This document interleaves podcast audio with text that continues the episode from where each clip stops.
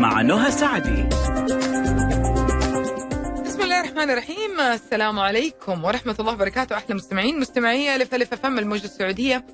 مستمعين برنامج تمبل مستمعين برنامج طبابة ألف. عفوا اللي بيجيكم يوميا من الأحد للخميس من الساعة واحدة للساعة اثنين.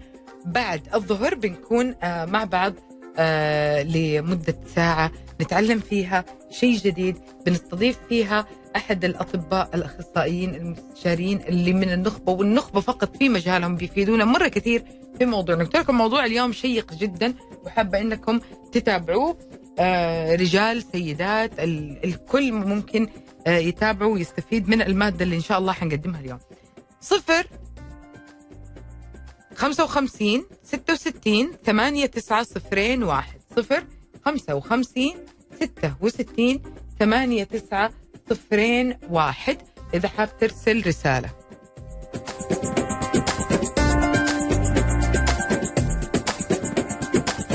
وإذا حاب تتصل على صفر 12 61 61 100 حاب تتصل صفر 12 61 61 100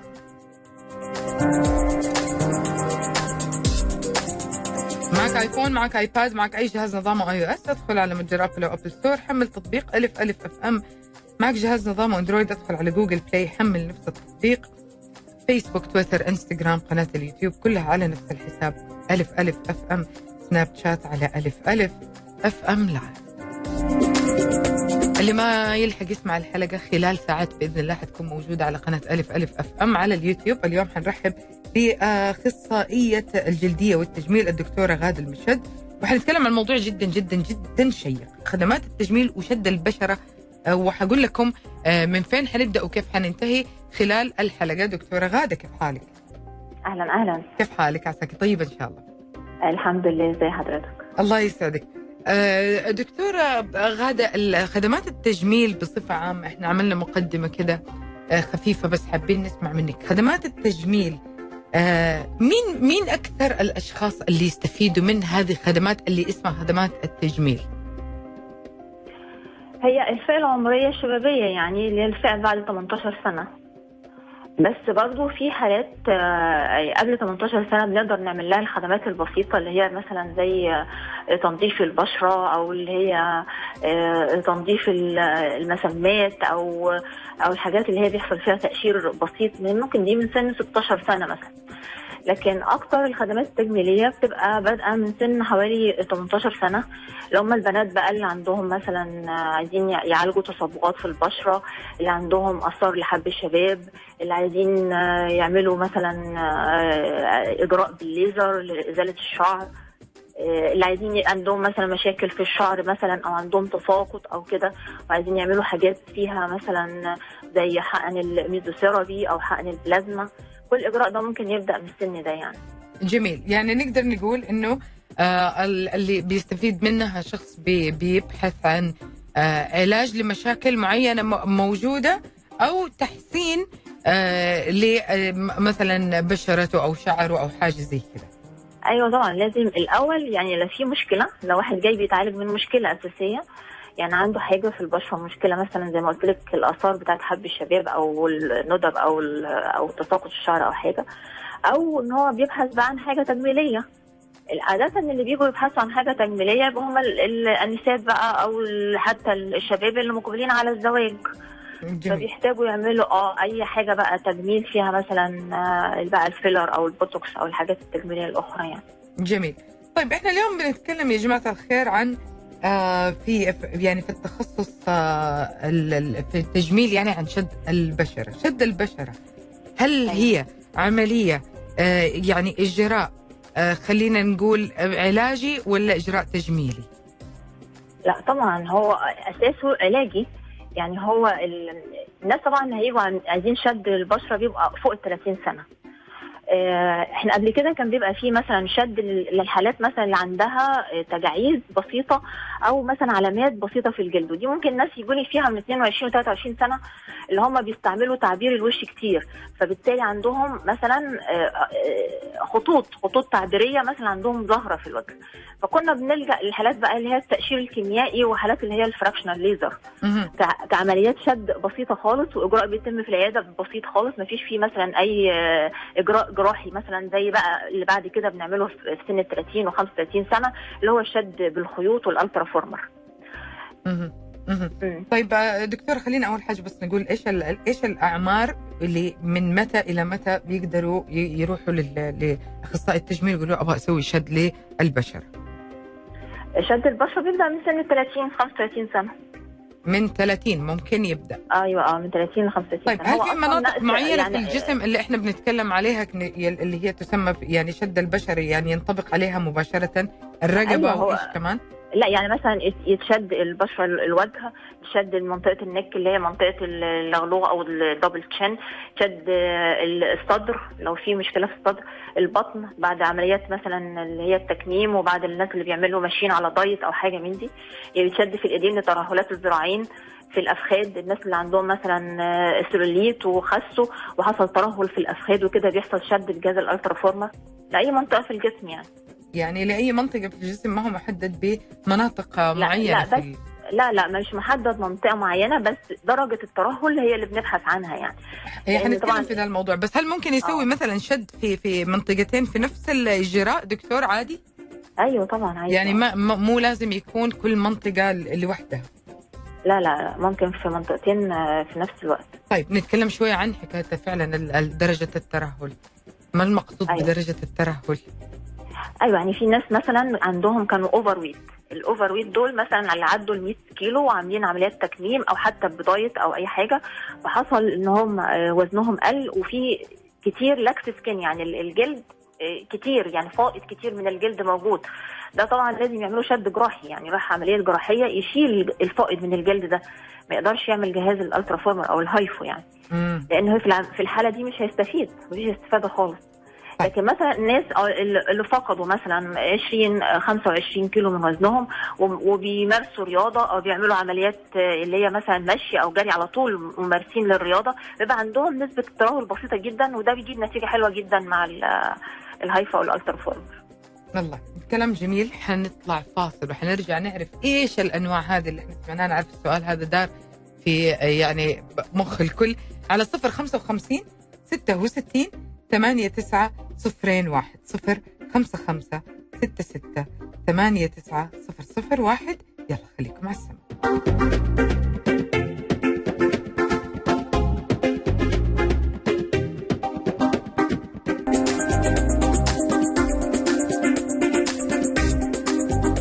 لكم آه، وبنتكلم اليوم عن التجميل خدمات التجميل وشد البشرة. وكنا في آه، في- بصدد نسأل دكتورة غادة إيش هي أنواع الأجهزة والإجراءات المستخدمة لشد البشرة؟ يعني إحنا سامعين جراحة سامعين أجهزة معينة. نبغى نعرف أنواعهم آه، والفروق بينهم. هو زي ما قلت لك قبل كده في الحالات البسيطة قوي اللي هم مثلا ال- البنات في سن 22 23 سنة لو عايزين يعملوا شد بسيط للبشرة بنلجأ لعملية التقشير سواء ده تقشير الكيميائي أو اللي هو عملية الفراكشنال ليزر. بتعمل بدرجة معينة بيعمل شد كويس جدا للبشرة اللي هي فيها ال- الخطوط التعبيرية البسيطة. جينا بعد سن 30 أو 35 سنة وفي بقى ترهل أو سقوط في البشرة مثلا الناس اللي عندهم عايزين يحددوا الفك أو يرفعوا الخدود أو يعملوا مثلا تهدل للمجهود في الجفون أو يرفعوا الحواجب أو كده لجأنا للخيوط. والخيوط الجراحية دي إجراء بيبقى بسيط جدا يعني ومش مؤلم ولا مكلف نوعا ما يعني عن الإجراء الجراحي. وبعد كده بقى الجهاز اللي هو ال- الهايفو أو الالترا فورمر وده هو عبارة عن آه، موجات صوتية عاليه الكثافة والتركيز اللي هي بتتوغل عميق في الجلد وتساعد على شد البشرة آه، برضو من بألم يعتبر بسيط وبتكلفة برضو عادية جدا غير الشد الجراحي. ومتى بيكون القرار حاسم؟ يعني هل هي مثلا حاجة كده اختيارية ال- يقدر يختار بينهم ال ال- لا، في حاجات- ال- الحالة أو أيوة. المعالجة والمراجع ولا هي بتكون حسب لا لا في حاجات بنقول لازم نعمل خيوط مثلا الأول و... وفي حالات أقول لها آه ينفع معاكي الالترا فورمر حسب درجة ال- درجة الترهل الموجودة أو اللي هو السقوط الموجود في البشرة يعني وهم. العادة العادة طبعا أنا أتوقع إنه كله يبغى يبدأ ب- ب- بأقصى حد؟ أيوه. هو طبعا بيبقوا عايزين أقصى شد بس طبعا إحنا بيبقى في ليميت يعني حد التوقع بتاع ال- ال- المريض اللي جاي بيبقى عالي قوي وإحنا بنحدد لهم الحاجات وبنقول لهم نسبة التحسن تبقى عاملة إزاي عشان بس يبقى كلامي أنا وتوقعهم متوافق مع بعضه يعني. جميل. قديش كل يعني كل قديش دكتورة تت- تتكرر ممكن عملية الشد؟ يعني كل قد إيش وهل تخ- تختلف من إجراء للآخر؟ إنه هذا ممكن يتكرر بس هذا لا أو هذا أيوه وهذا لا. لا لا آه فعلا. هو مثلا الخيوط آه، في الكل على الأقل خالص تسع شهور لسنة. وفي بعض أنواع من الخيوط تقعد سنة ونص. آه لكن مثلا الألترا فورمال للناس اللي ما عندهمش ترهل كتير في البشرة ممكن برضو نعمل إجراء هي جلسة واحدة بس مهم. ومتكررهاش إلا بعد سنة. لكن في ناس بيبقى عندهم شوية يعني ترهل شديد أو عندهم مثلا خط ابتسام عندهم عميق شوية فبنحتاج نعمل لهم الجلسة بعد شهرين. جميل. في في ناس بت بتروح مثلا ممكن تروح لطبيب آخر وتقول له إنه أنا أبغى أسويها ثاني؟ إيه، يعني إيه مش فاهمة؟ يعني أبغى أعمل هذا الإجراء ثاني رغم إنه هي مثلا تسعة شهور لو راح آه. خلال ستة شهور. آه لا لا هو طبعا الدكتور حتى لو راحت للدكتور تاني يعني فبيسألها بيسالها أنت عملتي إيه وعملتي الإجراء ده من إمتى وكده. على الأقل خالص الخيوط لازم مثلا نقعد ثلاث شهور على ما تمتص وبعدين نزود خيط تاني أو يحط حاجة تانية يعني. وبعدين ما ينفعش برضو إنها تكون عاملة النهارده خيط وتروح تعمل الترا فورمر أو الجهاز الهايفو. يعني لازم في فترة تباعد ما بين عملية الخيوط الشد بالخيوط والالترا فورمر حوالي مثلا شهر شهر ونص ما بينهم يعني. يعني لو عاملة خيوط ما تعرفش تعمل الترا فورمر إلا بعدها مثلا بشهر شهر ونص. جميل. آه، دكتورة لما بتيجي الحالة أو بتيجي المعالجة أو بيجي كذا أكيد بينطلب مثلا في فحوصات عشان مثلا الأمراض المزمنة وهل تأثير هل لها تأثير؟ اشرحي لنا شوية عن هذا الموضوع. هل الأمراض ال- المزمنة لها تأثير؟ وإيش هي الفحوصات اللي بتنطلب من أي حالة مراجعة؟ أيوه. هو آه، في حالات ال- الخيوط لازم ما يكونش عندهم سيولة. يعني الأمراض سيوله الدم أو مثلا اللي هم اللي عندهم بياخدوا مضادات للتجلط أو حاجة من دي ممنوع خالص إن هم يعملوا ال- الخيوط يعني. أو بيكونوا واخدوا أدوية يعني مثلا لو بتاخد أدوية وممكن نوقفها شوية قبل إجراء الخيوط آه لكن بتاخدها بصفة مستمرة ممنوع يعني. ال- بالنسبة لل لل Ultraformer ممنوع خالص مع الناس اللي عندهم أمراض مناعية. أي أمراض مناعية مثلا الذئبة الحمراء أو أمراض مثلا ال arthritis أو الروماتويد أو الحاجات دي. ما ما بيقدروا يعملوا أي لا ما يقدروش آه. آه، وهو الإجراء اللي بيتعمل مثلا في الخيوط إن هم بيحطوا آه، مسكن. يعني قبل ما تخش تعمل الخيط بتحط مسكن موضعي و... و... وتعمل بقى الإجراء بقى بنحط بعدها بعد المسكن الموضعي ده إبرة في مكان مدخل الخيط إبرة مسكن برضه عشان ما تحسش بمدخل الخيط نفسه. بعد كده الإجراء ما بتحسش بيه خالص. كدخول الخيط نفسه أو حاجة هي حركة إيدي بس لكن الم مفيش. جميل. هنا آه، في سؤال دكتورة متى تكون. النتائج واضحة وصريحة؟ يعني بعد قديش يبان؟ نسبة الشد نسبة الشد نفسها على طول في الجلسة. يعني أنا مثلا أقول لها بت- بتقارن ما بين وشها دلوقتي نص اللي إحنا عملناه مثلا النص اليمين عن النص الشمال اللي إحنا حقننا فيه الخيوط فدي نسبة الشد على طول بتبان اللي هي ما بين مثلا 15 ل 30% بعد كده سواء بقى ال Ultraformer أو ال- الخيوط بيحصل تحميس وتح وتحفيز للكولاجين والإلاستين اللي هي المواد اللي بتعمل بقى تدعيم للبشرة. ده بيقعد يتكون مثلا في خلال ثلاث شهور فبتشوفي النتيجة الفعلية بعد ثلاث شهور. آه، دكتور في ردود؟ في آه، أيوه طبعا. هو أي طبعا في الخيوط أي إجراء فيه مداخل إبر أو حاجة بيحصل كدمة. ممكن تحصل كدمة ممكن لأ يعني دي بال يعني ممكن تحصل مع مريض وممكن لأ ما تحصلش يعني. وبقى في بقى طبعا مكان مدخل إبرة وكده الم بسيط بتاخد بعديه مسكن بسيط جدا وخلاص. الألترا فورمر مفيش ردود ولا حاجة بس بيبقى فيه الم شوية بعد الجلسة في مكان الممشنه بالجهاز وده برضو يعني مسكن عادي بتاخده لمدة يومين ثلاثة وبيروح خالص. جميل. آه المسكنات هذه هل تتعارض مع أدوية معينة؟ ممكن يكون بياخذها الشخص يعني مثلا أو حالات أو أمراض معينة؟ بنسال بقى طبعا لو هو عنده أي مشاكل آه، في المعدة أو بياخد مثلا أدوية في حاجات مضادات آه، حيوية ممنوع يتاخد معاها مسكنات بنبقى عارفين إيه. ولو ناس عندهم مثلا آه، التهابات في المعدة أو قرح أو حاجة من دي بنديهم حاجات بسيطة ما تعملش أذى في المعدة يعني. يعني هي ال- المشاكل ممكن تكون مثلا في المعدة أو حاجة زي كذا أيوه بس لأنه مسكن. طيب، لكن الكثير من الناس بيكون عندهم آه، مثلا آه، خلينا نقول مناسبة قريبة وبياخذوا هذه القرارات لشد البشرة قبل المناسبة بوقت جدا بسيط. متى قبل بقديش تنصحي إنه آه، تعمل هذا الإجراء ولا هو فعلا ممكن يكون في نفس اليوم أو خلال اليومين في قبل المناسبة هذه؟ أيوه بالنسبة للجهاز ال Ultraformer أو ال HIFU ممكن قبلها بيومين. ويوم واحد حتى لأن بيحصل إيه؟ بيحصل تورم بسيط واحمرار يعني بيبقى أنا بشوفه كويس يعني الناس بتحبه يعني. فلو حطت النهارده المضاد للالتهاب تاني يوم تعمل تروح المناسبه بتاعتها عادي.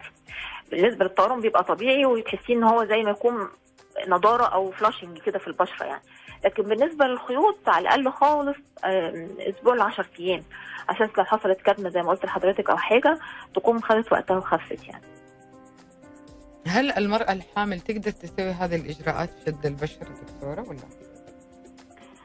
والله هو ممكن بس إيه إحنا يعني الناس اللي بيتألموا قوي أو بيحسوا مثلا إن هم بيخافوا أو عندهم من نزعه الخوف من الإبر ومدخل الإبرة وكده بالنسبة للخيوط بنقول لأ يعني بس عشان كده ال stress يعني لكن كم- كمنع مع الحمل مفيش يعني مفيش حتى ال Ultraformer مفيش مانع مع الحمل نفسه كذاته ضرر على الجنين أو حاجة مفيش يعني. جميل. إلا بقى طبعا إلا إذا كان هيشد البطن يعني ممنوع طبعا شد البطن إحنا بنتكلم على البشرة يعني. نحن نتكلم عن البشرة أيوه. أيوه آه لكن طيب آه، دكتورة بالنسبة لي مثلا هذه ال- ال- الآلام اللي ممكن تشعر فيها ال- ال- الحالة ساعتها أو المراجع آه، هل مثلا المسألة البنج هذه اختيارية في مثلا آه، شدته أو مثلا ممكن يكون كامل ولا موضعي أو حاجة زي كده؟ لا لا مش اختيارية لازم إحنا يعني بعرفها إن هو لازم عشان ما تحسش بألم يعني. سواء البنج الموضعي عشان ما تحسش بمدخل الإبرة نفسه يبقى خالص كل الحكاية آمنة بالنسبة لها حتى ما تحسش بمدخل الإبرة. وفي ال HIFU نفسه لأن هو في معاه ألم بسيط مش عايزينها تحس حتى بالألم البسيط ده. فلازم تحط التخدير الموضعي وتاخد مسكن برضو قبلها. يعني حتى في ال Ultraformer بنقول تاخد مسكن آه، مثلا قبل الإجراء بساعة زي مثلا أي دواء مضاد للالتهاب ومسكن وده بتاخده قبل الإجراء بساعة تقريبا عشان ما تحسش بس بأي ألم يعني تبقى الإجراء بالنسبة لها حاجة لطيفة يعني. جميل.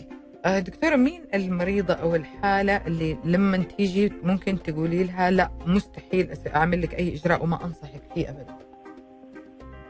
والله الناس اللي, ما اللي أنا بشوف إن هم جايين يعملوا بس عشان سمعوا يعني إن في جهاز اسمه شد أو مثلا ال Ultraformer أو كده يشد البشرة وهي تكون لسه ما عندهاش الترهل ده أو حاجة أو إن أنا بحتاج إن أنا أعمل لها حاجات بسيطة زي ما قلت لك مثلا fractional أو تقشير كيميائي أو حاجة وتتعوض فيها فبحاول أقنعها بكده. إلا بقى إذا صممت وقالت إن أنا عايزة الإجراء ده عشان أحافظ وعشان أكون كولاجين ومش عايزة يحصل ترهل خالص ومش عايزة أشوف الحكاية دي فبعمله لها الصراحة لو كانت معدية 30 سنة يعني. جميل. طيب هنطلع فاصل مستمعين اتصالاتكم على صفر 12 61 61 100 صفر واحد اثنين آه ستة آه واحد ستة واحد واحد صفر صفر. أما رسائلكم على صفر خمسة خمسة ستة ستة ثمانية تسعة صفر صفر واحد صفر خمسة خمسة ستة ستة ثمانية تسعة صفر صفر واحد.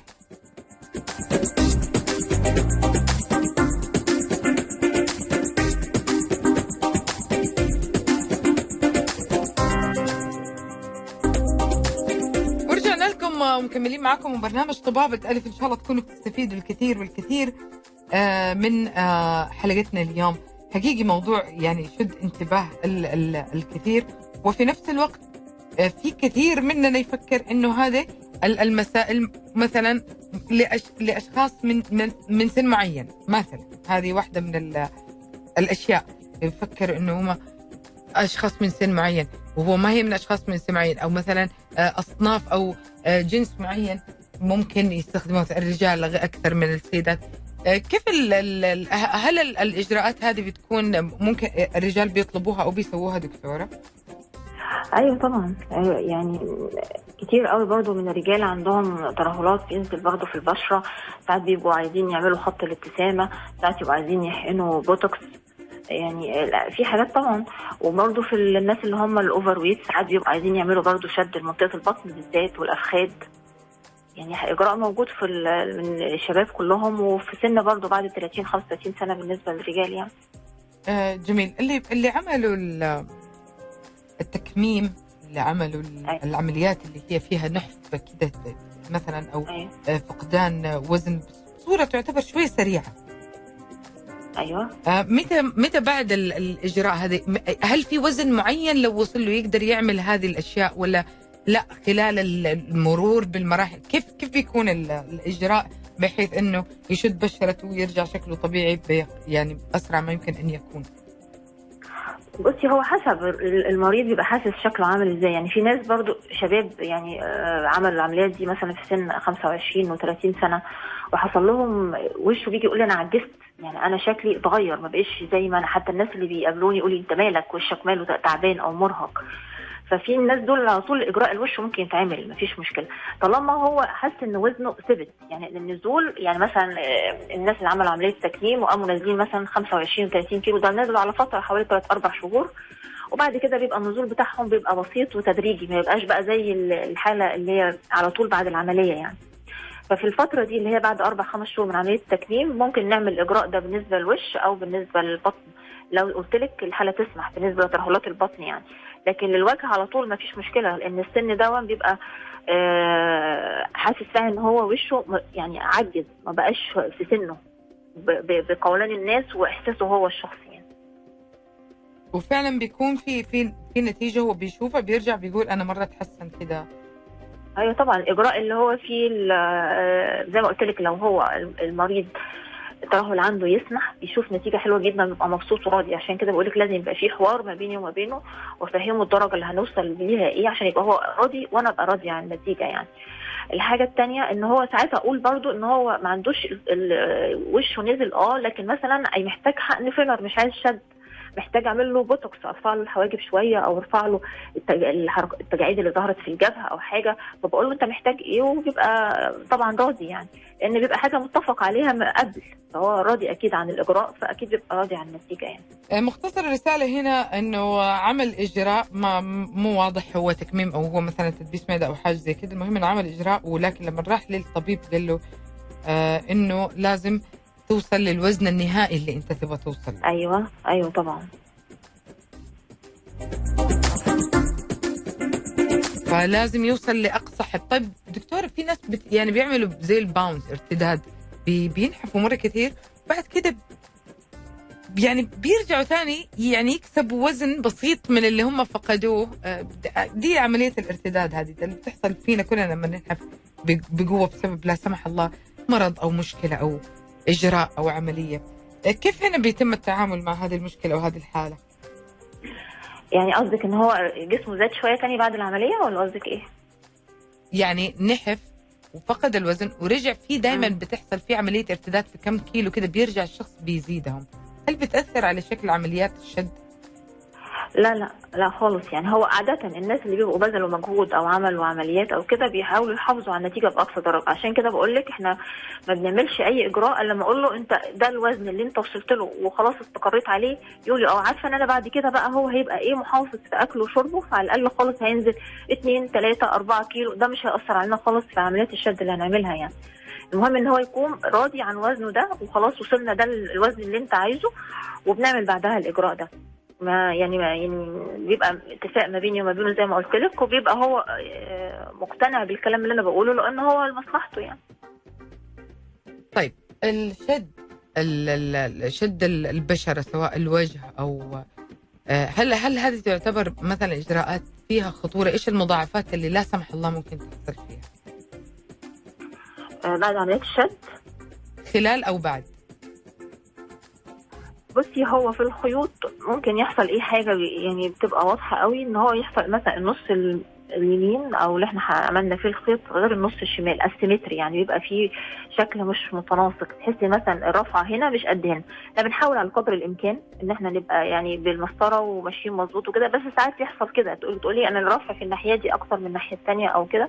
فالناحية اللي بيبقى فيها مثلا الجزء اللي هي بيبقى فيه أقل بنعمل له خيط كمان بنحسنه في خيط كمان. يعني ده بقى في عملية الرتوش اللي بتبقى مثلا بعد أسبوع من الإجراء الخيوط يعني. الحاجة الثانية زي ما قلت لك الكتمات أو الالم بعد الإجراء. آه، ودي برضو بناخد عليها زي ما بقول لك بتبقى فيه كريمات ومسكنات بتاخدها بعد الجلسة أو كده يعني. آه، ساعات بقى بيحصل إيه؟ إنها مثلا إن إحنا عملنا عمليه الخيوط والمريضة ما اتبعتش التعليمات اللي بعد الخيوط اللي هي مثلا آه، أكلت حاجات ناشفة أو نامت على وشها أو كده فبيحصل الخيط بيفك. يعني عملية الشد اللي إحنا عملناها بتكون تقريبا ما اخذش نتيجة ل 50% منها لأن الخيط دون فك يعني. فبنرجع نحط لها خيط تاني مكان الفك ده يعني. جميل.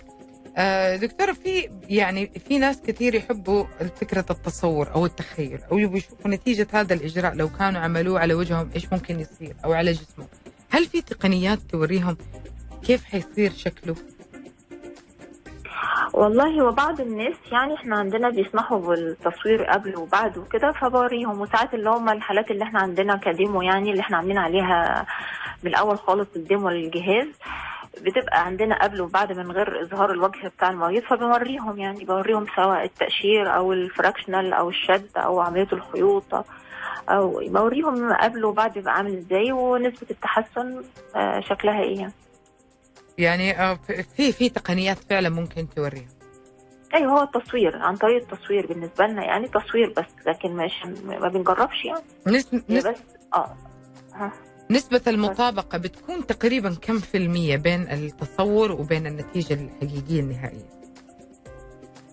والله أنا بشوف في ساعتها على طول نسبة التحسن حوالي في الخيوط حوالي مثلا 30 35% شد وبعدها بشهرين مثلا أو ثلاثة بيحصل بقى زي ما قلت لك تكوين الكولاجين والأستين فبيشوف نضارة بقى وتعبئة في المكان اللي اتشد ده نتيجة تكوين الكولاجين.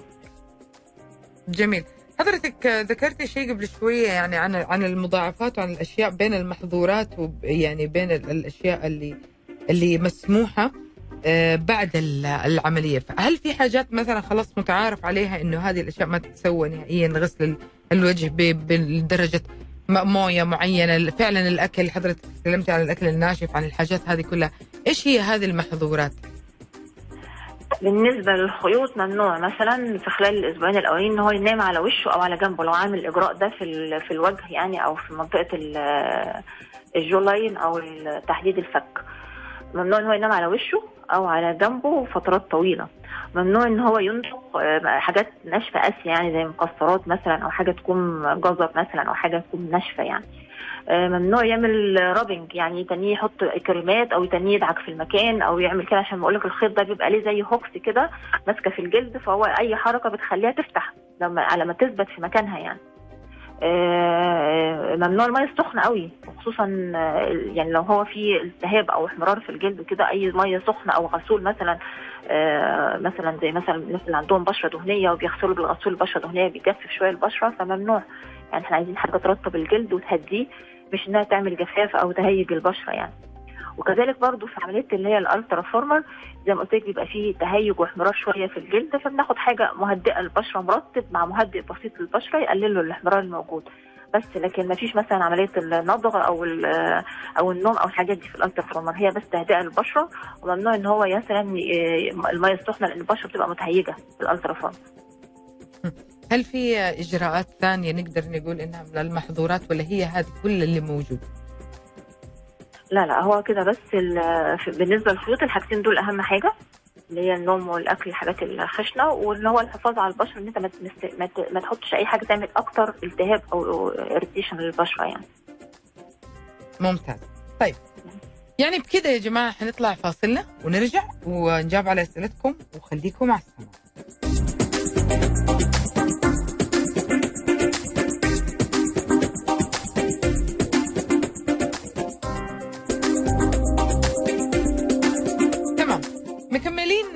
معاكم وخليني أقول لكم إنه إحنا هذه آخر فقراتنا اليوم اللي حاب يسأل أي سؤال 012 61 61 100 012 61 61 100 أو رسالة على 055 66 89 01 دكتورة غادة خلينا نسأل إحنا عرفنا حاجات كثير من المحظورات.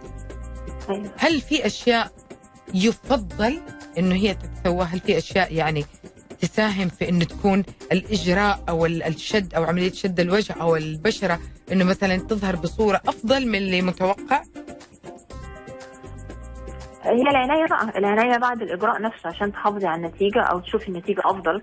العناية زي ما قلت لك بعد الإجراء يعني مثلا إنها تستعمل الحاجات اللي فيها الكريمات الليلية أو النهارية اللي فيها هيرونيك أسيد أو كولاجين الحاجات اللي فيها مضاد الأكسدة وفيتامين سي.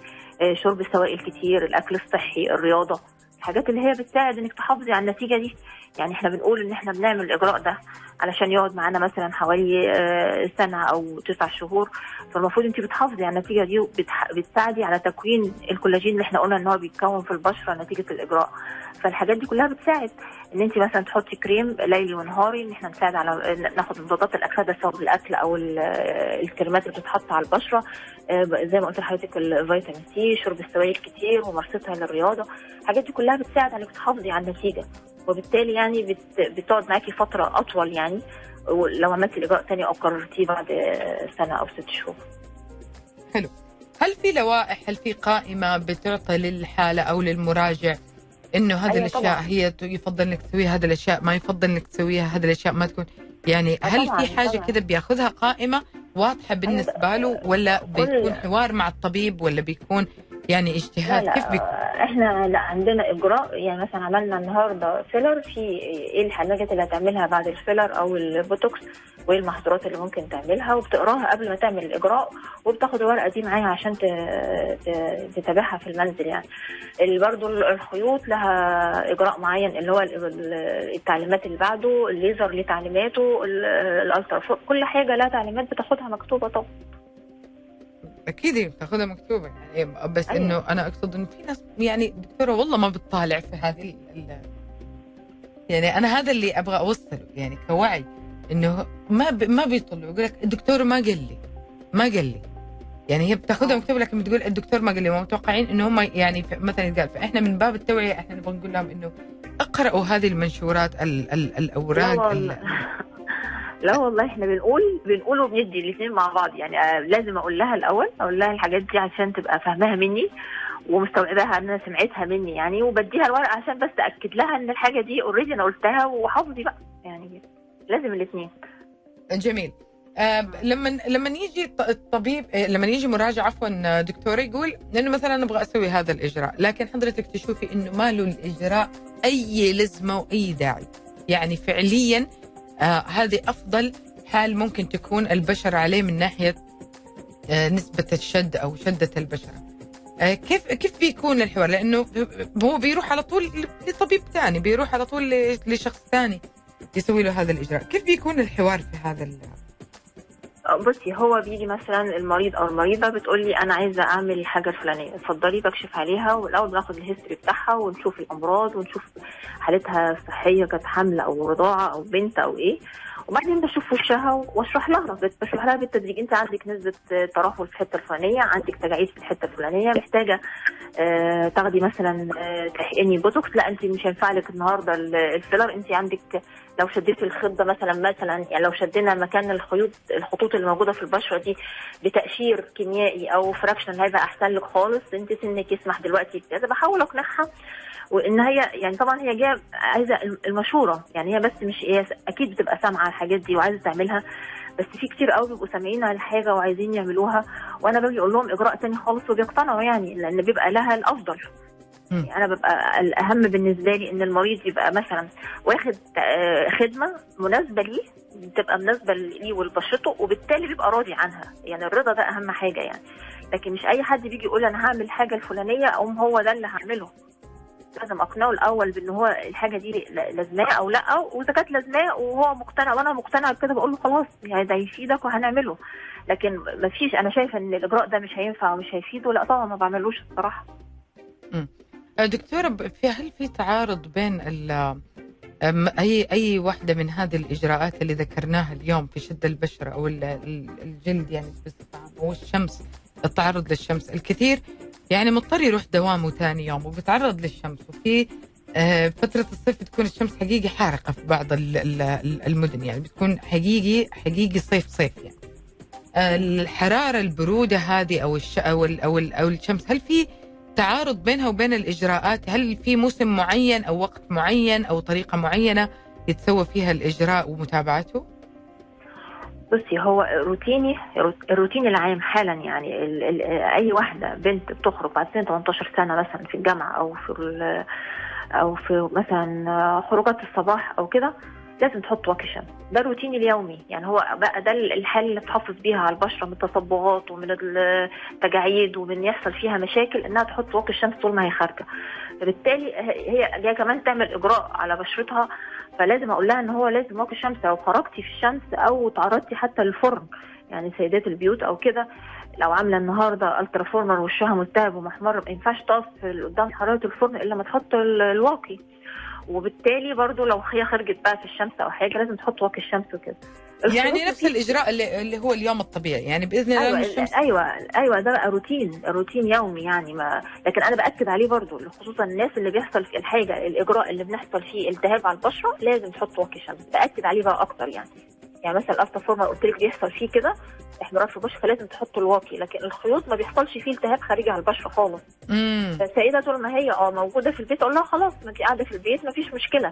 لكن هو أنا بقول لها كنصيحة إن هو ده الروتين اليومي للحفاظ على البشرة من التجاعيد ومن ال ومن التصبغات في البشرة وكده يعني هذا اللي هذا اللي أساسا جابنا لهذه المرحلة في سن مبكر أصلا. آه اللي أيوة. هو نمط الحياة وطريقة حياتنا وكيف إحنا عايشين في اليوم وكيف بنتعرض للشمس وكيف بنسمح للشمس بالتأثير بدون الحفاظ على البشرة أو الحقيقة والله كتير من البنات عندهم الوعي ده الصراحة يعني كتير قوي بس بيبقوا اختيارهم للواقي هو اللي مش مناسب. يعني بيبقوا جايين مثلا مش فاخرين الوقت المناسب قوي لبشرتهم اللي ما بيمتصش على البشرة اللي بيعمل لها بيزيت اللي بيديها يخلي باين على بشرتها زي ما تكون حاطة آه كريم أساس. بس بيبقى سوء اختيار للنوع أكتر من إن هي بس عارفة إيه الروتين بتاعها. يعني كله بيبقى الصراحة عارف لكن بيبقى اختياره للنوع هو اللي مش مناسب يعني. هل هل هل الطبيب ممكن يساعد المراجع أو الحالة في اختيار حقيقي المنتجات اللي طبعا بدون ذكر يعني هنا في أيوة. البرنامج اسمه المنتجات لكن هل بيساعدوا في في اختيار المنتجات اللي تناسب مثلا نوع بشرته أو اللي هي مثلا تكون آمنة أو صار عليها اختبارات؟ يعني أكيد الطبيب أدرى. أيوه طبعا. هو يعني أنا يعني أي مريضة بتجيلي بعد سن 22 23 سنة لازم اديها الكريمات اللي فيها ال hyaluronic acid. اللي هي المواد اللي بتساعد على تدعيم البشرة عشان ما يحصلش تهدل إحنا بنقول الكولاجين والالاستين بيبدأ يقل في البشرة من سن 25 سنة. يعني مش لازم تكبر يبقى عندها 30 35 سنة عشان يحصل تهدل في البشرة. يعني لازم تبدأ تحافظ من سن 25 سنة. فبقول لها كريمات الترطيب وبالذات اللي فيها ال hyaluronic acid مهمة جدا من بداية سن 25 سنة. واقي الشمس مهم جدا في السن ده. بداية بقى مع سن ال 30 والتعرض الكتير الناس للخروجات دلوقتي والناس اللي بيشتغلوا كده مهم جدا فيتامين سي اللي هو المضاد للاكسده وإن هي تمنع إن بشرتها يحصل فيها على طول الخيوط أو بقول لك التصبغات في البشرة. ففي حاجة روتينات موجودة ولازم أقول للمريض عليها. طبعا أنا بقول وبشرح وتبقى رغبة المريض إن هو هيشتري الحاجة دي أو هي مش هيشتريها بس لازم أقول الكلام ده يعني. جميل. دكتورة انتهت حلقتنا. وشكرا شكرا شكرا على كل اللي قدمتي لنا من معلومات اليوم دكتورة غادة المشي يا ربنا يخليك. اخصائية التجميل والبشرة الجلدية تكلمنا اليوم عن حاجات جدا مهمة. آه، لازم تحطوها في بالكم. حقيقي آه، كانت كريمة معانا جدا في النصائح وفي في التوجيه وفي آه، في في الطريقة الصحيحة. وأهم حاجة قبل ما تاخذوا أي من هذه الإجراءات ضروري جدا يا جماعة ترى تتوجه لطبيبك تتوجه لشخص مختص هو اللي يقول لك أعمل كذا لا تعمل كذا. فخلينا مركزين في هذه النقطة. بصورة كويسة. آه يعطيكم العافية. الله الشافي الله يا رب يشفي الجميع. وإن شاء الله ما تحتاجوا أي أطباء ودائما تكونوا بخير وصحة وهنا وسعادة تكون الطبيب مراجعة ومتابعة دائما وأبدا. يلا على ما نجدد لقائي فيكم بكرة بإذن الله في حلقة جديدة من برنامج تنفس الساعة 10 الصباح. كنت معكم نهى سعدي شكرا هالة منصور. معنا من الإخراج شكرا ضيفتنا الدكتورة غادة المشهد. فمال الكريم وانتبهوا على بعض.